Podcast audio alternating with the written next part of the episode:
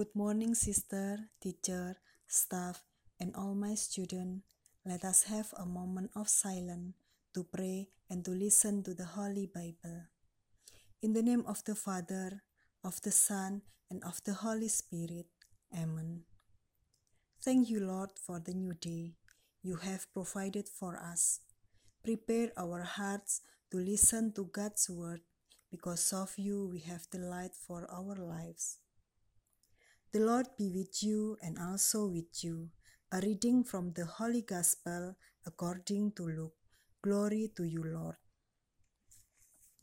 When the time came for the purification rites required by the law of Moses, Joseph and Mary took him to Jerusalem to present him to the Lord and to offer sacrifices in keeping with what is said in the law of the Lord a pair of doves or two young pigeons.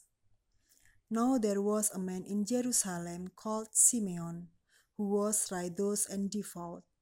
He was waiting for the consolation of Israel, and the Holy Spirit was on him. It had, it had been revealed to him by the Holy Spirit that he would not die before he had seen the Lord Messiah. Moved by the Spirit, he went into the temple courts.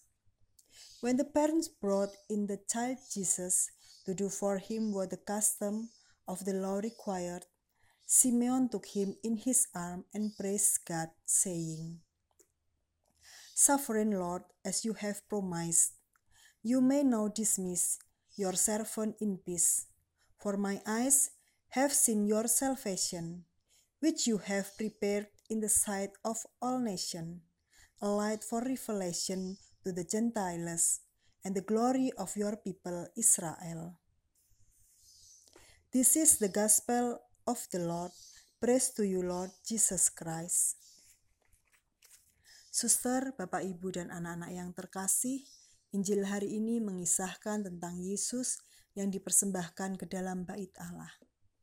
Persembahan diri merupakan salah satu ungkapan syukur kepada Allah. Dengan mempersembahkan diri kepada Allah, secara tidak langsung kita juga bersyukur atas segala pemberian Allah. Seperti Simeon yang merindukan Mesias dan sungguh bersyukur atas kedatangan Sang Mesias, maka marilah kita juga selalu bersyukur dan senantiasa bertekun dalam iman, harapan, kasih, dan turut serta mempersembahkan diri sehingga kita boleh seperti Simeon dapat melihat Yesus secara langsung dari muka ke muka dan menggendongnya dalam setiap pengalaman hidup kita. God teach us to always be grateful in faith, hope, and love, and present ourselves. Amen.